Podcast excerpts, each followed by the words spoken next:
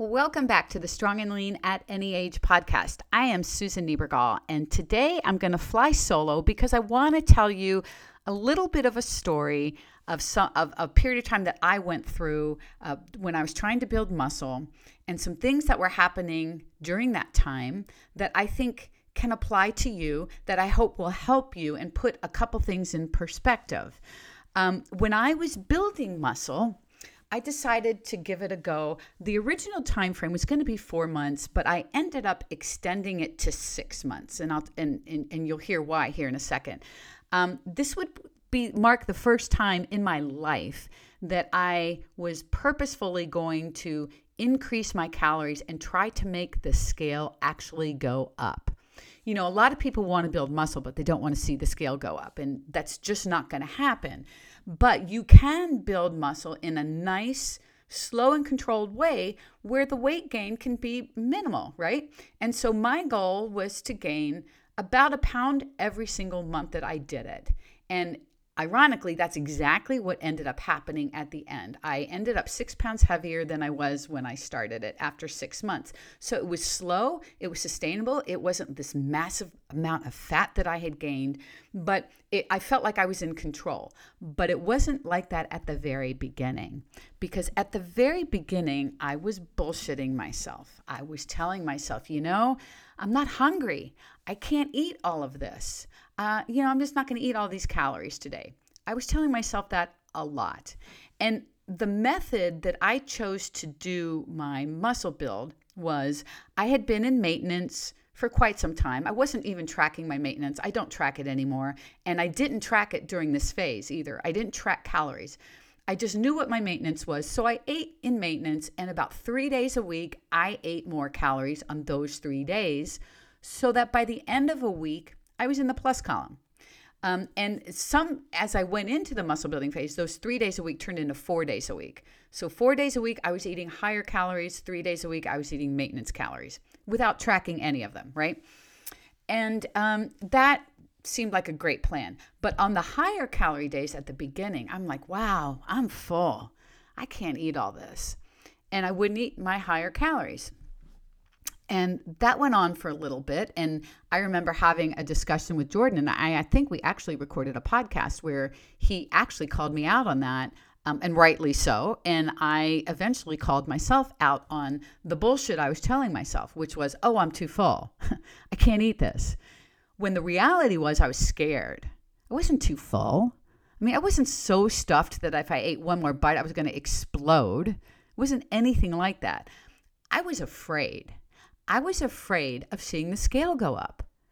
And and I understand that fear because I'm 60 years old and for my whole life I have wanted the scale to go down, you know? And I struggled with that almost my entire life. Not until maybe 5 years ago did I ever start sorting that part out and was successful at it. So the other 55 years that has been an issue that was an issue for me. Now I was never an obese person, I was always a heavy set person. I was always overweight on the heavy side, but I wouldn't have been categorized as obese. So I didn't have hundreds of pounds to lose. I had weight to lose, though, on and off for most of my life. And so losing weight was something that I strive to do forever. So after all of those years, trying to make the scale do the absolute opposite was terrifying to me. Absolutely terrifying to me. And if any of you in my age bracket are trying to put on muscle, you might be feeling this this fear right now. And I feel you on this. I feel you a hundred percent on this. It is a legit fear, and it's not easy to overcome. And and I bullshitted my way through probably the first month of my muscle building phase with, oh, I'm too full. When I wasn't too full, I just didn't want to see the scale go up. So I it, this, was out of fear that I was not doing what I was supposed to be doing. And until, you know, Jordan and I talked about it I, in, on that podcast and I called myself out on it and I started doing eating my calories that I was supposed to eat. Then and only then did I start seeing the results that I wanted to see over time. This same fear can be applied if you're in a fat loss phase as well. Because I get asked all the time, is it okay if I come in under my calories? And you know, when you hear that question, it seems pretty innocent at first, right? I mean, it is innocent. Um, and it seems like, well, sure, you know, I'm in a deficit. So better to come in under than to go over, right? Well, of course, it's better to come in a little under than than to go over your calories from a weight loss perspective. But if you're coming in under your calories a lot, like frequently, and by several hundred, however many, but let's say several hundred, frequently, more often than not, let's say, you're coming in under your prescribed calorie deficit number by hundreds of calories multiple times a week. That's not okay. That's very different than once in a while you come in under because you had a busy day at work, you didn't really get a chance to eat what you wanted to eat, all that kind of stuff. Or maybe you're not feeling well one day and you're just not hungry because you you're, you're getting a sinus cold or something like that. That's different than consistently coming in under your calories. That's not okay because that is being driven by the same fear that drove me to not eat what I was supposed to eat in my muscle building phase. Does that make sense? It's the same fear. The fear of eating more calories is going to make the scale go up. And when you're in a deficit and you're you're thinking, okay, if I come in under, that's really good. Cool and you're or, or and or you're saying you know i'm coming in under because i'm so full i can't possibly eat those 200 calories you're bullshitting yourself the same way i bullshitted myself you're letting fear run the show and a lot of times if you've been in a deficit that fear is coming from you having been overly restrictive in the past it not working for you you not being able to stick with it and therefore not seeing any progress. And you're thinking, well, it didn't work for me back when I was eating, let's say, 1200. We'll use that magic number 1200.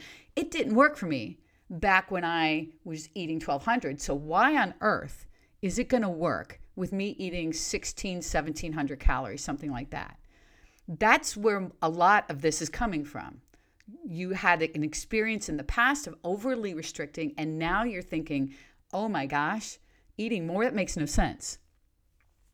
But here's what normally happens when you are in that overly restricting restrictive time of let's say 1200 calories most of the time what happens here is this you can handle 1200 calories for a couple days maybe two or three days by day four you're like this sucks I am hungry all the time. And you find yourself, you're starting to nibble more, but you're thinking in your head, you know what? I'm not, it's not that many calories really. Um, so, cause they're all only just these little nibbles, right? But you are so hungry. You can't, you can't, you have to eat something. And then by the weekend, you're like, you know what? Forget it. I want to go out with my friends. I'm going to have fun. I'll be good. And I put that in quotes. I'm going to be good this weekend, but I'm going to kind of do what I want to do. And you're thinking over the weekend, you know what? I'm not eating that much, right?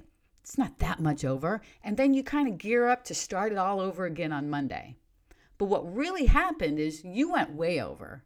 So that 1200 that you thought you were eating close to, you were nowhere near close to.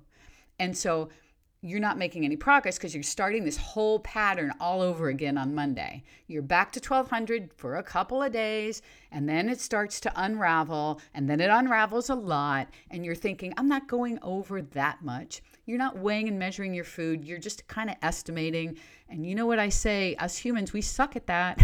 we suck at estimating calories without a ton of practice. So we think we're only consuming, you know, maybe a couple hundred over 1200 when really it was probably close to six, seven, eight hundred over, maybe even more, especially if you're going out, right?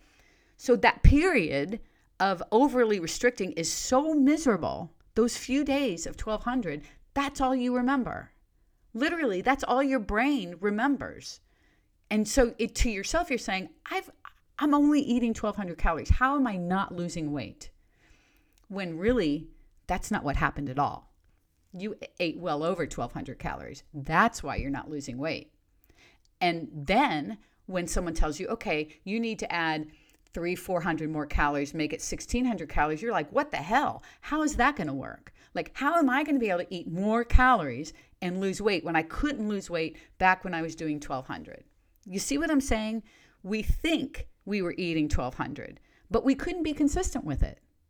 And because we couldn't be consistent with it, we weren't making any progress. We weren't really eating 1200 calories, but we thought we were because it was so miserable eating 1200 calories for the few times that we did that that's all our brain remembers is how bad that was. And then, like I said, it unravels slowly and then it unravels more, and then we start over again. So that fear has been ingrained in you because you think you you were successful at 1200, but you really weren't and now someone wants you to eat 16, 1700, how's that going to work? You are far better off eating that many calories and being consistent with it over time, seeing a nice, slow, and reasonable fat loss that you can continue with consistently, that you can enjoy your life with consistently, and that allows you some wiggle room. Like you don't have to be perfect. Because remember, perfection and consistency are not the same thing. We all want think we have to be perfect, right? But we don't. We need to be consistent. And that means at least 80% of the time you are hitting the numbers you need to hit. At least 80% of the time. That gives you wiggle room to go out with your friends once in a while, to have that extra treat that you want to have, to, to be able to go off plan just a little bit. It gives you those opportunities to do that. But when you're overly restricting so much, you don't have those leeways. You don't. So, getting over the fear of eating more calories is real. Number one, it's real. I get it. But we have to be brutally honest with ourselves about this. And why are we coming in under our calories all the time? Because once you're honest about that and you face the fear of eating more, you will see so much more progress than what you have ever seen before. You will be able to finally be consistent with something. You are probably going to have better sleep. You're going to have more energy. Your workouts are probably going to be better. Everything is going to improve when you can be in a modest calorie deficit, stick with it, and watch the scale fluctuate because let's not forget about that. The scale is going to spike it's going to whoosh. You're going to see it all. And just because it spikes, it's not a see, I told you I can't eat that many calories. That's not what's happening. That's a normal spike in the scale. You ride that out just like you would ride it out any other time. And then you're going to see it settle down, and maybe you're going to see a whoosh. You will be able to experience all of this from a very healthy perspective. So, the answer to that question is coming in under my calories okay? No. In general, it's not okay, especially if it's over the long term. Once in a while, of course. Of course, that's going to be okay. But we're talking bigger picture, we're talking over time. So, if that is you, whether you're in a muscle building phase and you're not eating the calories you're supposed to eat because you are afraid of the scale going up, or if it's you and you're in a fat loss phase and you're afraid to eat what you're supposed to eat because you're afraid you won't make any progress or you're afraid the scale's going to go up, please look at what's happening and be super honest with yourself.